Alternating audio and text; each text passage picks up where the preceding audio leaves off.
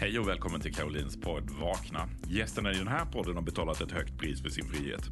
De har levt i ett parallellt samhälle med ett eget rättssystem mitt i Sverige, i nutid. För priset du betalar för att lämna Jehovas vittnen, det är förlusten av alla dina vänner, din familj, släkt och hela ditt sociala nät. I de här intervjuerna delar gästerna sin historia om hur det är att leva inne i en parallell värld. Om smärtan i att förstå att det man trodde var sant inte alls är det. Och om hur du överlever en social misshandel som kanske skulle kunna ha kostat dig livet. De berättar om vad som väckte dem och hur de har lyckats skaffa sig ett nytt och friskt liv. Du som håller på att vakna kommer att känna igen dig. Du som inte hade en aning om företeelsen kommer att förvånas. Det är dags att vakna med Caroline och gäster. Hej och välkommen till ett nytt avsnitt av Vakna med Caroline och gäster. Idag är min gäst Kristin Kotte. Välkommen hit Kristin! Tack så mycket! Så, kan du berätta lite om dig själv?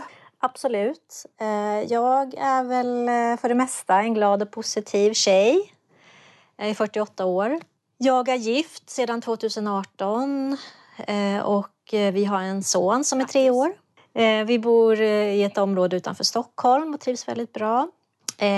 Jag tycker om att bland annat dansa Tycker om att gå på kaféer, älskar en god kopp kaffe. Jag är intresserad av inredning, träffa vänner, eh, titta på dokumentärer och sen så är jag väldigt intresserad av att titta på mm. sport. Mm. Att jag är lite av en sportfåne. Mm. I grunden, du låter ju eh, som om du har Stockholmsdialekt. Ja, jag är född i, och uppvuxen i Stockholm. Ah, okay. Så man kan säga, Kristin, du har ett väldigt bra liv idag? Verkligen. Jag är så tacksam för det livet eh, som jag har just nu. Eh, det, det fanns ju en tid när man inte trodde att det skulle kunna bli så bra igen. Just när man är i en livstransformation, mitt i det så tror man att det kommer aldrig, det, man kommer aldrig på fötterna igen men, men det gör man. Och ibland så behöver det inte ta jättelång tid innan man är på fötterna igen i nya livet. Nej, precis. Eh, jag, jag, kände själv att för min del eh, så gick det ganska snabbt eh, att hitta ett bra sätt att, att leva och fungera på. Men jag vet att för många tar det längre tid. Och så får det vara ju. Man får, mm. det tar den tid det tar. Det är så individuellt. Men det som du säger, jag är verkligen känner och är ett exempel på att, att livet kan förändras Eh, även om man är i en situation där det inte känns så. Men jag har varit med om det flera gånger. Att man förstår att det händer inte automatiskt. Man måste göra någonting för att skapa det här nya livet som man har en dröm om eh, och en vision om. Men man måste ta de här stegen mot sin dröm. Men Kristin, om vi går lite tillbaka. Du har ett bra liv idag. Eh, hur ser din eh, din historia ut som ett Jehovas vittne? Har du växt upp som vittne och, och var du ung eller gammal när du döpte dig och så vidare? Ja, jag eh, föddes in i eh, den här eh, sekten.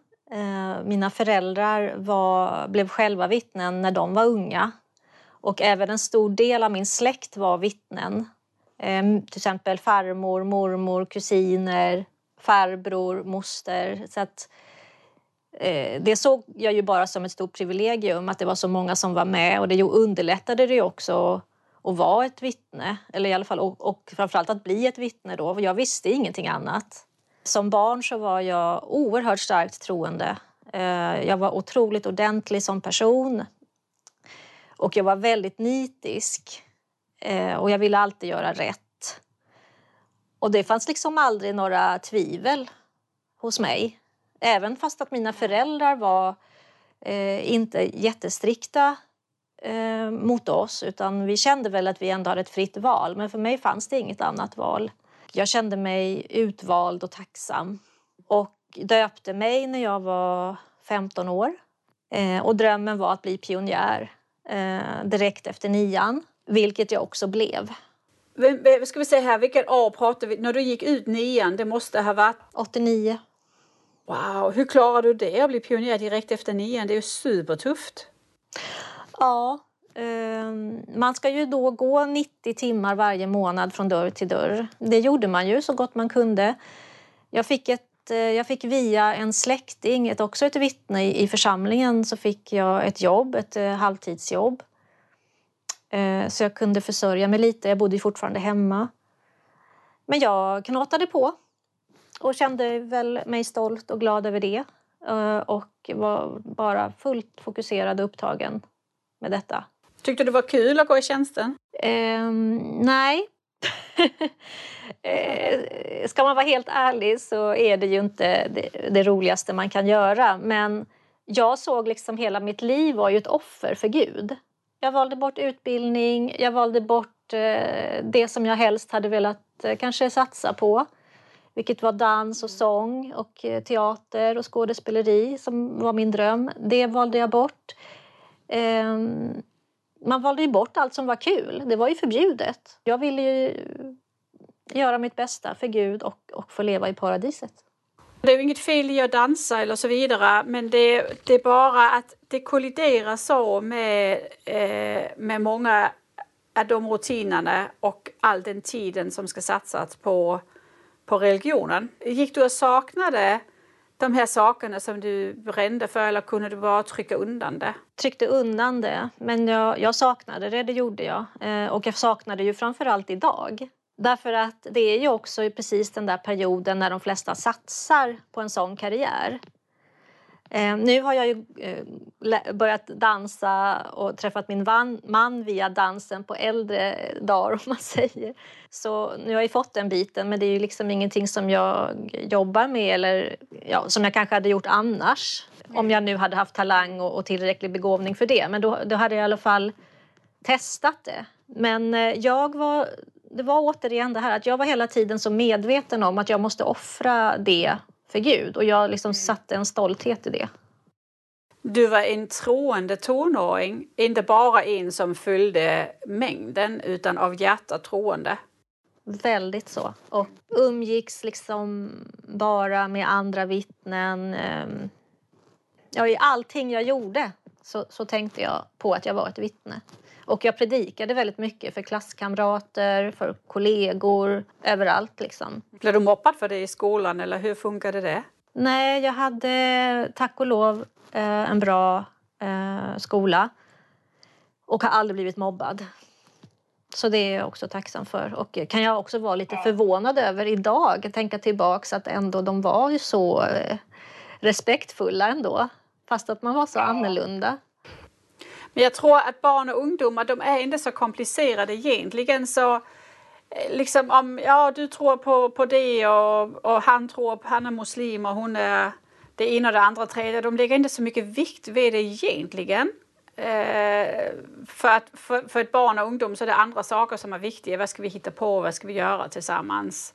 Eh, har vi kul tillsammans? Sen om du har den ena eller andra religionen och när man är liten så är det ju egentligen inte barnens religion, det är bara föräldrarnas religion som, som barnen eh, pratar om.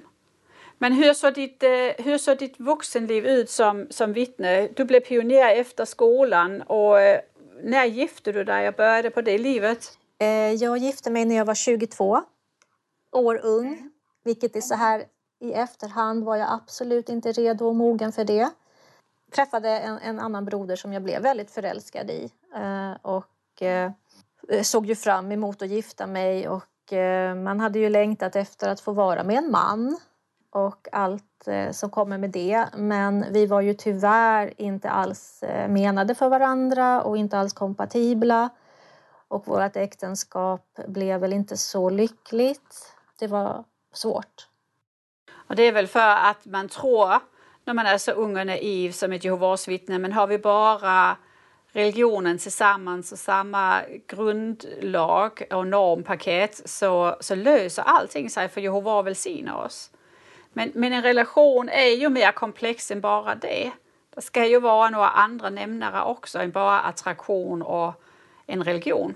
Ja, och tyvärr blir det ju i och med att eh, den här sekten fungerar så och har sina regler så, får man ju, så blir det ju tokigt med äktenskap eftersom att man inte får lära känna varandra på riktigt innan och man har inte heller mm. man har liksom ingen alls erfarenhet av sådana relationer så att man har ju ingen aning. Det är ju roulette. Alltså jag har ofta tänkt på det nu när jag har barn som är tonåringar att, att det, det jag kan erbjuda nu med att de dejtar och de är ihop och de gör slut och på det här oskyldiga planet, planet som nästan är en lek när de är i högstadiet det är ju en förberedelse för, precis som du lägger mamma, pappa, barn, det är en förberedelse för hur man är som förälder. Men, men det här dating och det här de är ihop och så vidare är ju också en förberedelse för hur, hur lägger man relation, hur gör man? Eh, hur gör man slut och hur känns det och vad kan man säga om inte det känns bra, vågar jag stå upp för mig själv? Men, men när man är ett Jehovas vittne så blir det så seriöst, så tidigt. För du är ju vuxen och man är jättesugen på en relation. Och man vet inte hur man gör, vad ska jag kolla efter och vad, hur ska det kännas? Man vet ingenting och bara det att man inte liksom får vara ensam ens. Man får inte vara ensamma tillsammans. Eh, så det blir så onaturligt och, och konstigt och, och sen helt plötsligt en dag till en annan så ska man få ta på varandra och göra vad som helst och man har ingen erfarenhet av det heller. Det är mycket som, som kan bli tokigt. Men hur snabbt kände du att det här var en... Eh, nej, det, det funkar inte, det var felval detta?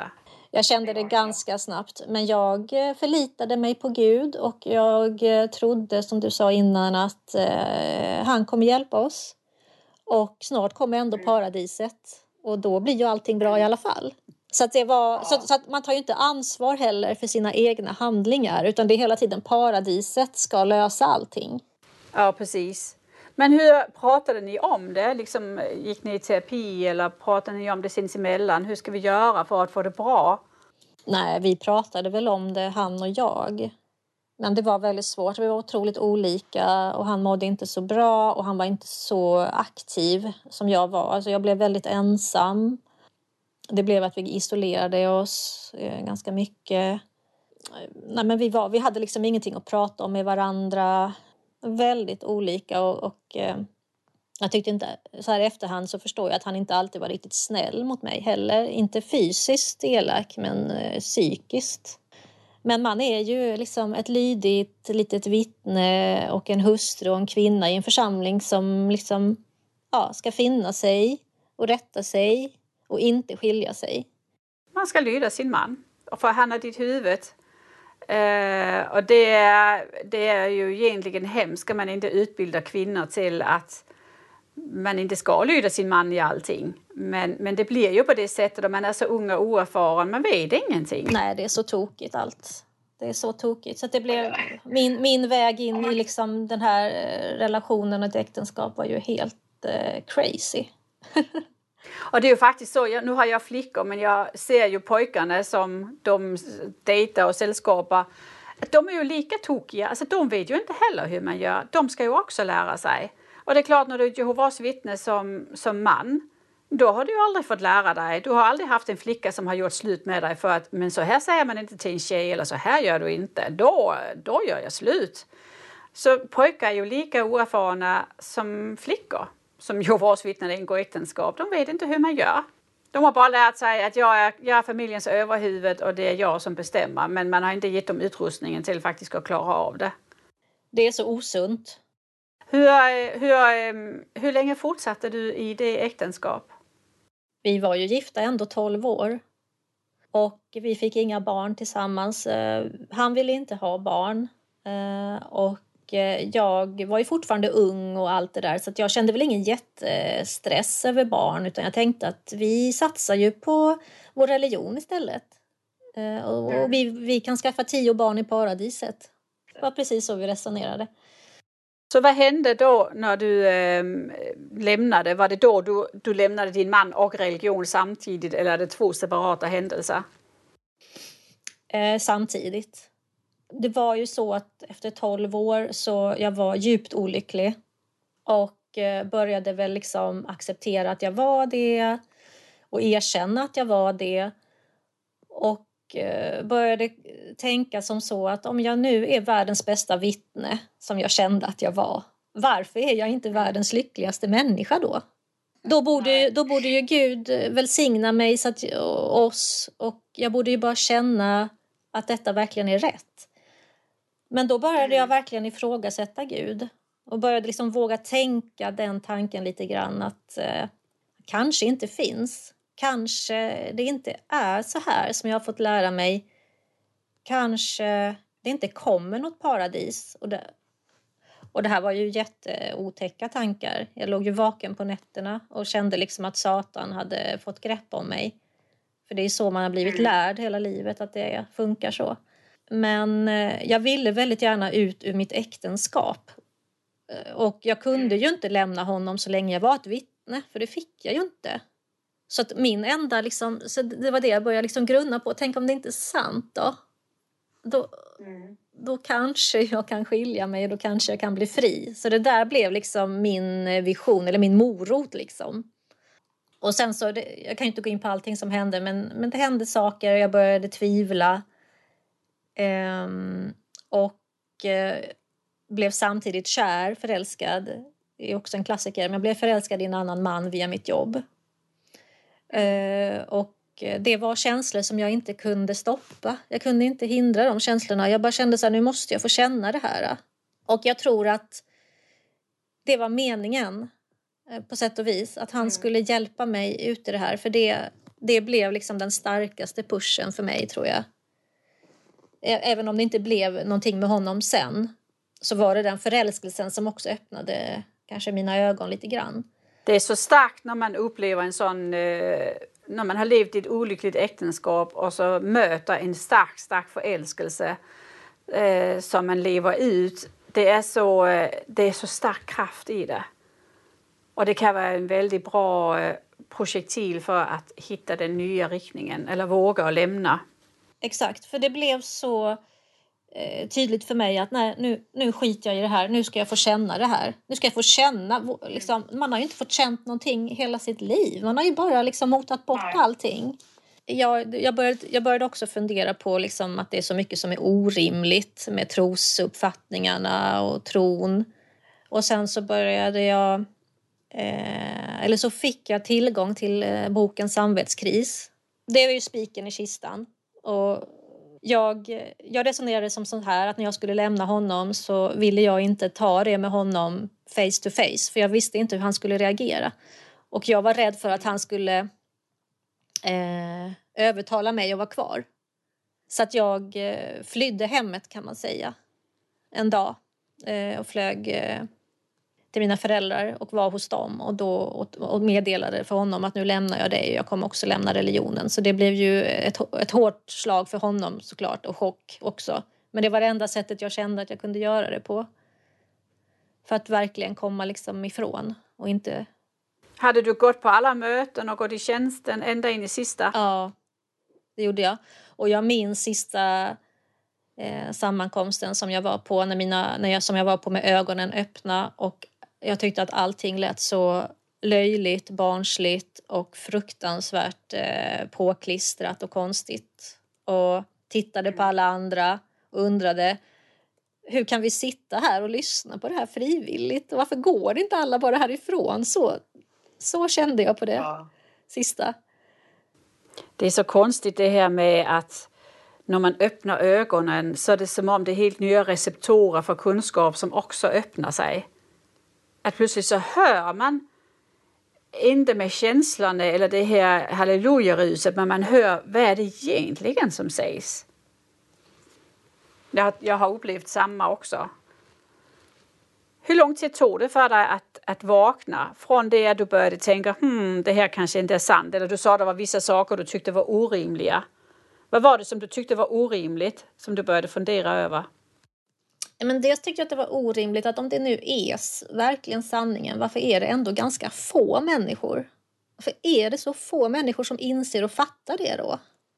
Men det har man ju fått lärt sig att det, var ju, det, det, det finns ju svar på allting också som vi... Ja. ja. Um, och sen så um, tänker jag liksom, tänkte jag liksom att det dör 30 miljoner barn varje år av svält. Varför ska Gud inte hjälpa dem och lyssna på dem? Varför, varför ska han lyssna på ett ofullkomligt vittne som ber hela dagarna? Började jag tänka. Och, och det här med blodet kändes inte bra heller. Att man liksom eh, då ska, ska se nära och kära dö eller att man själv hellre ska dö än att ta emot hjälp. Och, eh, också det här med uteslutning som jag tycker är så fruktansvärt grym eh, metod. Mm. Och helt onaturlig för oss människor. Eh, och det är absolut ingen kärlek i det. Hur kan en gud tycka att det är okej? Okay? Och tycka att det är kärleksfullt? Började få sådana här funderingar omkring eh, grundgrejer. Både blod och uteslutning är ju eh, grundpelare i religionen. Men det började du att titta plötsligt med andra ögon på.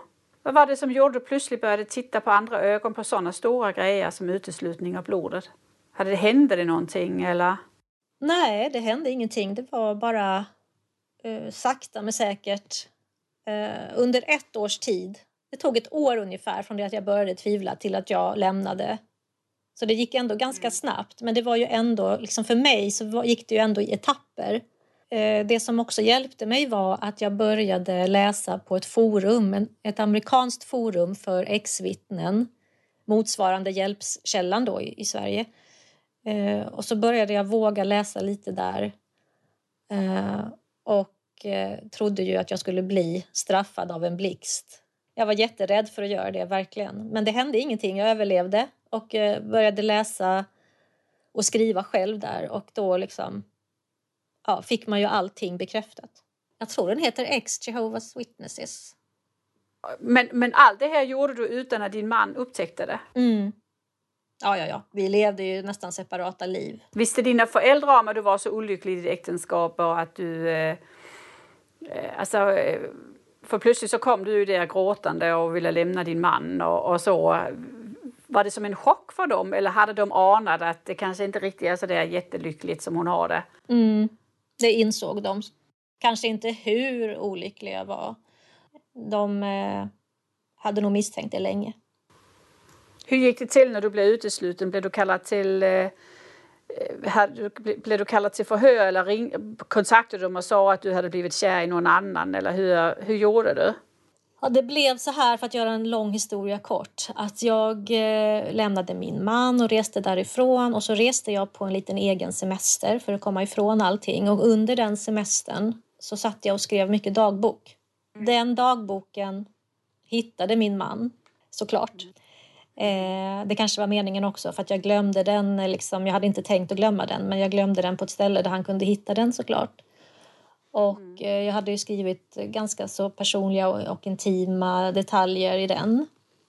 Så då fick jag bara ett sms från honom att jag har hittat din dagbok. Nu vet jag allting.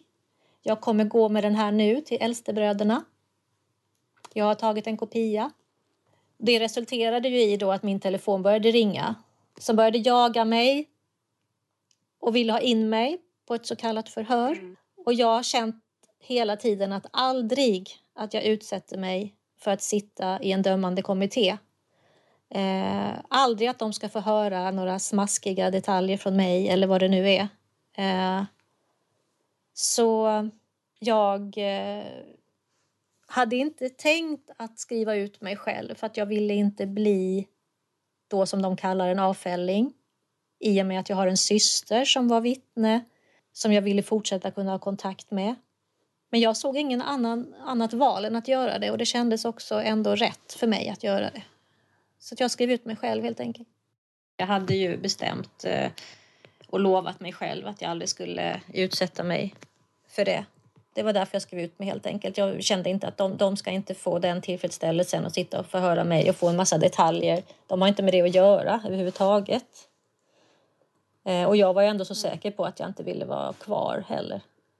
Så jag såg dem aldrig mer. De som var då mina, skulle vara mina bästa vänner. Ja. Har du pratat med dem någonting efter eller har du skrivit någonting till dem eller har de skrivit till dig eller har ni haft någon kontakt, dina vänner? Och... Väldigt, väldigt lite. Eh, det, det jag har fått är ju liksom eh, från några stycken, några släktingar, några vänner som bara skrev att vad tråkigt eh, att du lämnar, nu kan vi inte ha kontakt, hoppas du kommer tillbaks, jag ska tjäna Jehova hela mitt liv. Ungefär så var det flera som skrev, ungefär mm. likadant. Det är kanske någon sådär som man har saknat men det har faktiskt inte varit någon jättestor förlust för mig.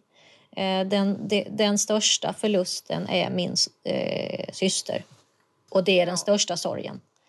Jag brukar ofta säga så här, hade du sagt till mig för fem år sedan att jag skulle sitta här och ha en podcast om som handlar om att vakna upp från eh, Jehovas vittnen och jag ser Jehovas vittnen som en sekt så hade jag sagt, är du fullständigt tokig? För jag var ju helt troende. Det är en där, man kan inte tvinga ut någon, det är en egen resa man får ta.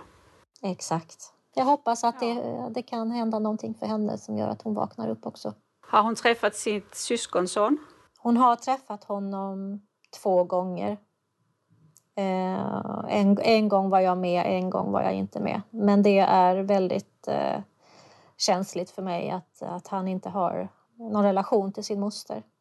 Att hon kan välja bort det, det är helt oförståeligt. Om det hade varit du på andra sidan, hur tror du du hade tänkt? Sorgligt nog förmodligen likadant, men jag tror ändå att jag kanske inte hade varit lika, lika hård. Hon kan inte skicka ens ett sms i stort sett. Nej, det är en otrolig förlust. Har det varit värt det för dig, tycker du? Ja, absolut. Hur såg hur så tiden ut efter? Det känns ju som om när du valde att lämna, då var du full vaken. Och då eh, är det ju eh, mycket vunnit i det. Men hur såg din första tid ut? Fick du, fick du ditt nya liv på fötterna på rull direkt? I stort sett. Det som räddade mig, ska jag säga, också under hela mitt äktenskap och sen efter allting eh, var att jag hade ett fantastiskt bra jobb. Jag tjänade bra, jag hade roligt på jobbet, jag hade mina bästa vänner på jobbet, jag utvecklades, eh, jag jobbade med ganska komplexa saker, eh, jag fick en väldigt bra utbildning där, eh, jag reste mycket och fick uppleva väldigt mycket, så det var min räddning. Så att jag hade redan liksom, jag hade min ekonomi, via jobbet så kunde jag få en bra lägenhet, så att jag hade de bitarna på plats. Så du kunde behålla ditt jobb även när du flyttade till annan ort? Nej, Nej. det hade jag inte. Men, och jag var på det här företaget i 13 år. Eh, och efter skilsmässan, för, när, för mitt gifta liv bodde jag i Malmö nämligen. Mm. Så jag bodde i Malmö i 15 år. Eh, så jag hade kvar jobbet efter skilsmässan när jag bodde kvar i Malmö. Sen har jag flyttat tillbaks till Stockholm och då fick jag lämna det jobbet. Men som tur var så hade jag det. Så att jag hade liksom... Och mina kollegor visste ju så väl om allting. Att jag var ett Jehovas vittne och sen att jag lämnade. Och de tog hand om mig. Eh, jag hade eh, några eh, via Hjälpkällan, några före detta vittnen också som hjälpte till. Vänner som hade lämnat sen innan, släktingar som hade lämnat sen innan. Så jag hade det ganska tryggt och bra på så sätt, så jag var inte ensam. Mm. Men det var ju omtumlande såklart. Det var ju jättesvårt att gå igenom skilsmässa. Eh, det var ju inte mm, jättelätt såklart. Vi hade ju upplevt mycket tillsammans också. Han var en stor del av mitt liv. Eh, det var bodelning och mycket praktiska saker. Eh, så att första året är ju kämpigt. Man går igenom lite olika faser. Plötsligt har man ju ingen tro. Vad ska jag tro på nu? Ju, nu kommer det inget paradis det eh, kommer inget Harmageddon. Ska jag dö nu? Alltså många sådana frågor. Vad ska jag tro på nu? Det låter kanske lite simpelt men jag kände liksom att nu får jag skapa min egen tro. Jag får ju tro på vad jag vill nu. Uh, och mm. Jag har ju alltid varit en andlig person. Mm. Så att uh, jag har liksom skapat min egen tro på sätt och vis. Och jag har känt mig mm. trygg med det. Och har liksom ändå accepterat att nej, vi kommer inte leva för evigt med lejon i ett paradis. Nej. Eh, man får göra så bra och gott man kan i det livet man har nu. Men är du ateist idag eller ser du dig som andlig eller religiös? Hur ser du dig själv idag? Har du en gudstro? Ja, det har jag. Mm. På ett annat sätt. Mm. Och jag tror mycket på änglar.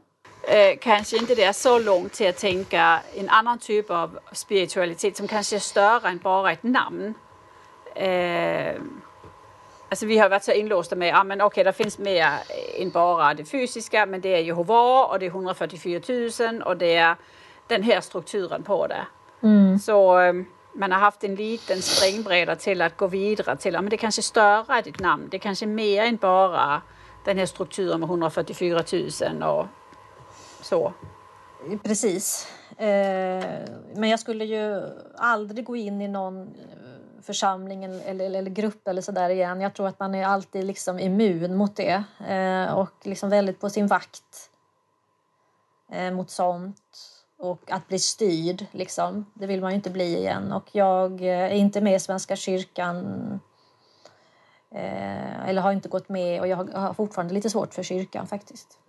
Ja, jag har det faktiskt också så. Jag, tycker, alltså dels, jag tror många som är uteslutna har allergi mot strukturer, religiösa strukturer. Det är ändå mycket igenkänning. Eh, så eh, jag har också lite svårt för kyrkan. Men jag var på en kyrkokonsert i helgen. En väninna som skulle sjunga och eh, för hennes skull så, så gick jag med och det var ju jättefint. Prästen måste ju in och det måste välsignas så det får väl vara så. Jag behöver inte ta ställning till det längre men ja, det, det kliar lite i kroppen när, när de bitarna kommer in. Mm, förstår.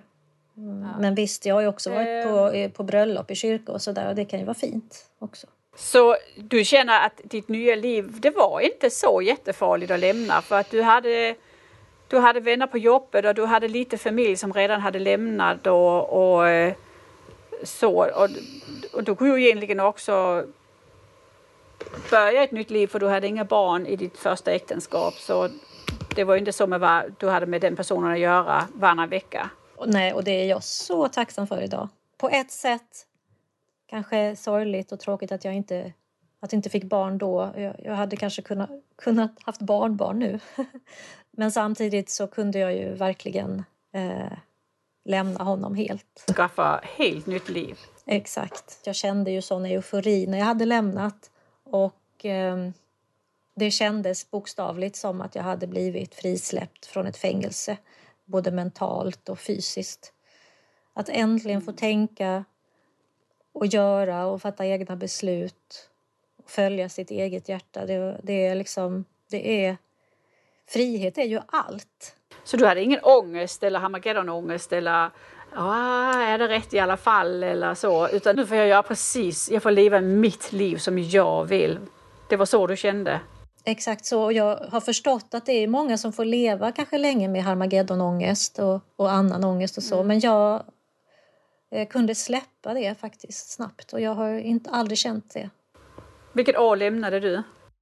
2008. Hur gammal var du 2008? 34. Eh, jag såg också fram emot att få eh, träffa en ny man och kanske då börja en relation på ett mer normalt sätt. Eh, men jag var ju... Alltså jag, ja, det är också en, en, en lång historia däremellan därför att jag trodde ju att jag skulle träffa en man ganska så snart. när jag fortfarande var ung och kunna få familj och sådär. Eh, och jag började dej dejta väldigt mycket och insåg ju att oj, det här har jag ju inte alls erfarenhet av. Så jag kände mig som att jag var 16 ungefär. Men eh, det var svårt att, träffa en bra man. Eh, för mig i alla fall. Så det tog många år och jag närmade mig liksom 40. Och mm. blev väldigt eh, ledsen och deprimerad faktiskt över att Eh, jag inte träffade någon och eh, att jag inte fick några barn. Och kände att jag måste eh, göra någonting för att bli glad igen. Och då anmälde jag mig till en buggkurs. Det var verkligen en sån en dröm och en sak som jag hade på min checklista att någon gång ska jag göra det. så jag började kursen och sen började jag mitt, mitt dansliv och det är det, bland det bästa jag någonsin har gjort. Jag upplevde den här otroliga lyckan igen med dansen, fick många nya dansvänner. Jag reste runt i hela Sverige och dansade. Jag var på Dansbandsveckan i Malung, Dansbandsveckan på Öland. Härligt. Så, så kul. Och via dansen, det tog något år eller sådär, så, så träffade jag min nuvarande man. En jätte, jättefin man. Eh, Kanske var det meningen att jag skulle träffa några knäppisar för att kunna välja en bra person, har jag tänkt efteråt. Att det tog, kanske var meningen att det skulle ta några år för mig. Ibland så upplever man genom kontrast så upplever man vad man vill. Alltså när man, när man har kontrastupplevelser så blir det ännu tydligare det man vill ha. Ja, man får andra så, referenser så. också. Ja, de flesta människor har ju ett antal dejtande innan man bestämmer sig för att gifta sig. Så det var bara det att det kom lite senare år för dig. Det kom lite senare. flödet är ungefär samma. Och sen så ville vi ju väldigt gärna eh, få barn tillsammans och jag började ju närma mig 42 eh, och eh, det var inte så lätt. Ja, efter en lång resa så gick det till slut. Så jag fick ju min son när jag var 44. Otroligt. Jag trodde jag aldrig. Men man ska inte ge upp. Och kan det bli så för mig så kan det bli så för vem som helst. Och det är inte för sent. Sen har du utbildat dig också har jag förstått. Berätta lite om det. Mm. Det stämmer. Jag har ju tagit det lite lugnt efter att jag fick barn. Eh, jag var väldigt trött. Jag blev uppsagd också när jag var mammaledig. Eh, jag har alltid jobbat inom administration som vd-assistent och assistentroller på olika företag och olika nivåer och så. Eh, men då tänkte jag nu ska jag passa på när jag är lite ledig i alla fall att eh, gå en kurs och eh, då var jag inne på det här med terapi, samtalsterapi. Att eh, jag var väldigt intresserad av det. Jag har fått hjälp genom åren själv genom att ha gått hos olika psykologer och terapeuter. Vissa bättre än andra, vissa sämre. Ehm, men det var en väldigt intressant kurs och jag känner att det passat mig väldigt bra och att det är liksom någonting som jag skulle vilja ha som min huvudsyssla egentligen. Den metoden som jag har lärt mig, den är ju inte jättekomplicerad och det behöver det inte vara egentligen. Eh, men mm. Eh, vi var ju lite inne på det eh, innan här i samtalet att man, om man har en, om man tillsammans med sin klient målar upp liksom en målbild. Nu ser mitt liv ut så här, för oftast är det ju då att man vill göra en förändring. Man kanske vill skilja sig, gå ur en sekt eh, byta jobb.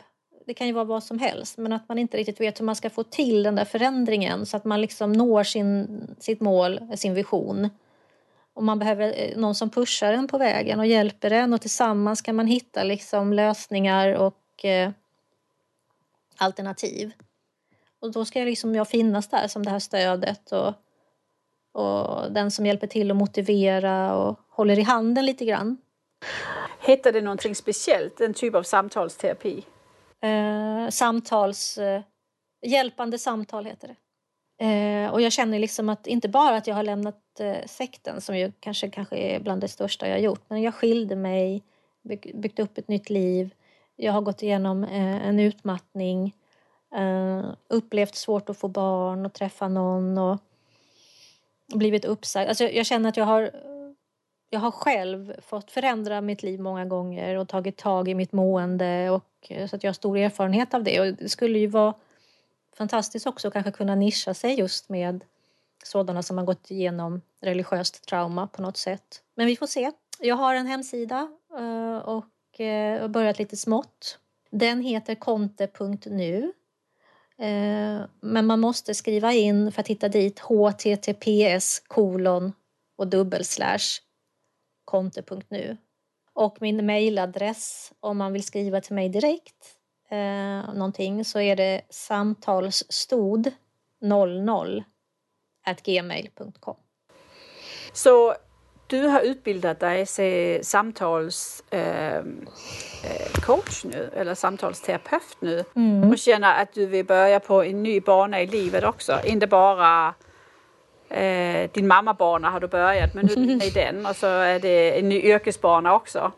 Ja, lite så. Eh, men jag är ju arbetssökande nu eh, igen och söker ju vd-assistentjobb, vilket ju är det jag kan. Och det finns många sådana jobb också. Så jag tänker att det här med terapin får jag försöka kanske börja lite smått på sidan av så får vi se eh, om det kan växa. Om det finns behov. Mm. Det finns ju många som, eh, som behöver eh, hjälp av en terapeut som själv kan visa en, empatisk förståelse för eh, det problemet man har. Mm. Och, och, du har ju haft en del, eh, alltså skilsmässa är ju, är ju vanligt men det här med fertilitetshjälp och säcklämning är ju lite mer specifikt och det är klart att att sitta och prata med någon som faktiskt förstår vad det är, de mekanismer som är bakom och känslan omkring det är ju ett väldigt stort stöd. Ja, det betyder ju jättemycket. Jag minns ju att jag eh, gick hos en psykolog några gånger eh, efter att jag hade lämnat. Eh, men det, jag tror bara jag gick två eller tre gånger för jag kände inte alls att det gav mig någonting. Utan det var ju liksom mer att man kunde prata med sådana som redan hade gjort samma resa. Att det, det, just de här specifika sakerna med säcklämning är svårt att hitta förståelse för på, eh, på sin vanlig psykolog. Det kan vara vissa psykologer som även klarar av det men mm. det är ju såklart en styrka om, om, eh, om terapeuten har gått igenom samma sak. Ja, det är ju onekligen eh, en, en, något väldigt speciellt som man har varit med om. Kristin, vilken, vilken resa du har varit med om. Ja. Vi har följt dig från den djupt religiösa flickan till eh, den fria vuxna kvinnan som idag sitter och, och hjälper andra att tänka fritt och följa sin, sin drömbana. Du har både fått dansa och få barn, ja. hittat din drömman, mm. levt ut eh, all det där dejtande du skulle ha gjort som tonåring. Det fick du också leva ut lite senare i livet, men du fick leva ut det också. Men, men det är ju, det är ju liksom så att när man är i, i liksom det där mörkret som man kan hamna i ibland, då, då tror man att man alltid ska vara där. Mm. Men så fungerar inte livet, utan man tar sig oftast ur det. Eh, det kan ta olika tid, men det går. Det är så fantastiskt mm. med livet, att det kan förändras om man verkligen vill.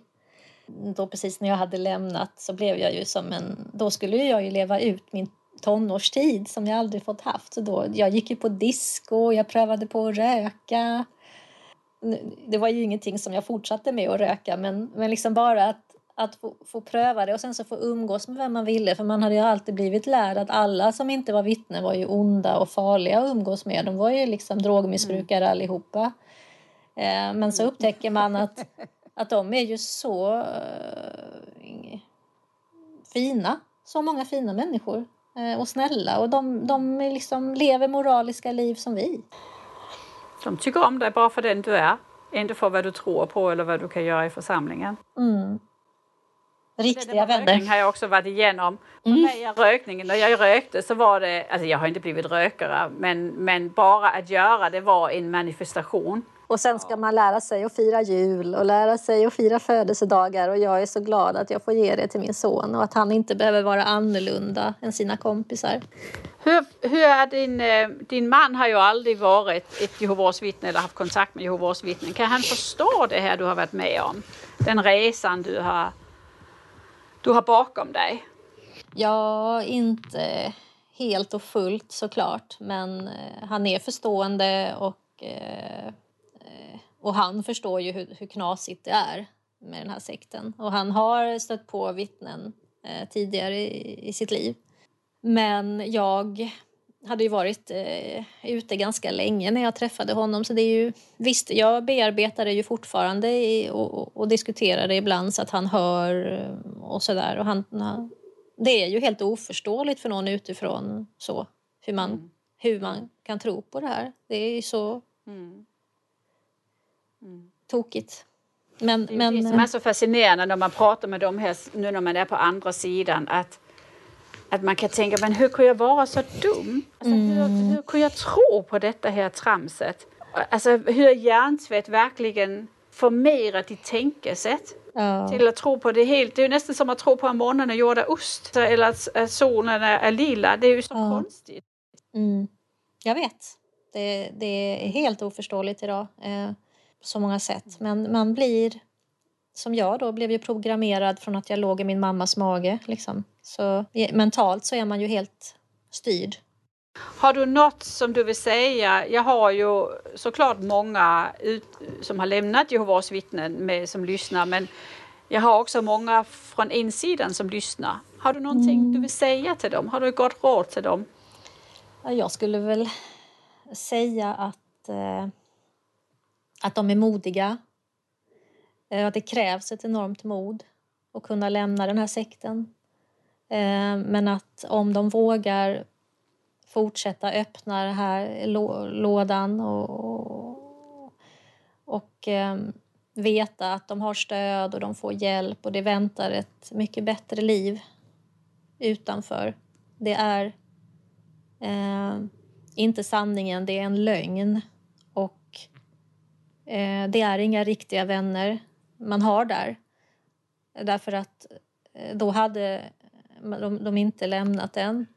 Eh, om man inte vill tro som dem. Eh, men fortsätt våga. Jag förstår att det inte är lätt och det är skrämmande men jag finns ju här också och kan hjälpa till och, och Caroline, du finns och många andra så att via dig så kan de få kontakt med många som kan hjälpa och stötta. Som någon känner, men Kristin hon skulle jag våga prata med. Kanske jag får lämna ut ditt telefonnummer om de ringer till mig. Absolut. Mm. För det är ju många gånger det jag vågar ljuda det med någon och, och vi klingar ju alla med olika personer. Så eh, ofta så får jag ju efter ett avsnitt eh, fråga om kontaktuppgifter till de här personerna. Men Kristin, med det sagt, om du känner dig nöjd och om du känner att du har fått säga det du vill säga så vill jag säga stort tack för att du ville ställa upp uh, och vara min gäst i podden. Tack för att jag fick vara din gäst. Ta hand om dig. Detsamma. Vi hörs. Hej då. Hej då. Vill du vara med i Vakna med Caroline och gäster? Att dela med sig av sina upplevelser kan frigöra en hel del blockeringar och hjälpa dig vidare i livet. Det är ofta helande och läkande att höra sig själv berätta vad man har varit med om och som man faktiskt har klarat av. Det är som en tung ryggsäck som man kastar bort för att gå vidare med nya och friska krafter. Besök reject.com och anmäl ditt intresse om du vill vara med. Knappa in r-eject.com e, reject.com. Du är varmt välkommen.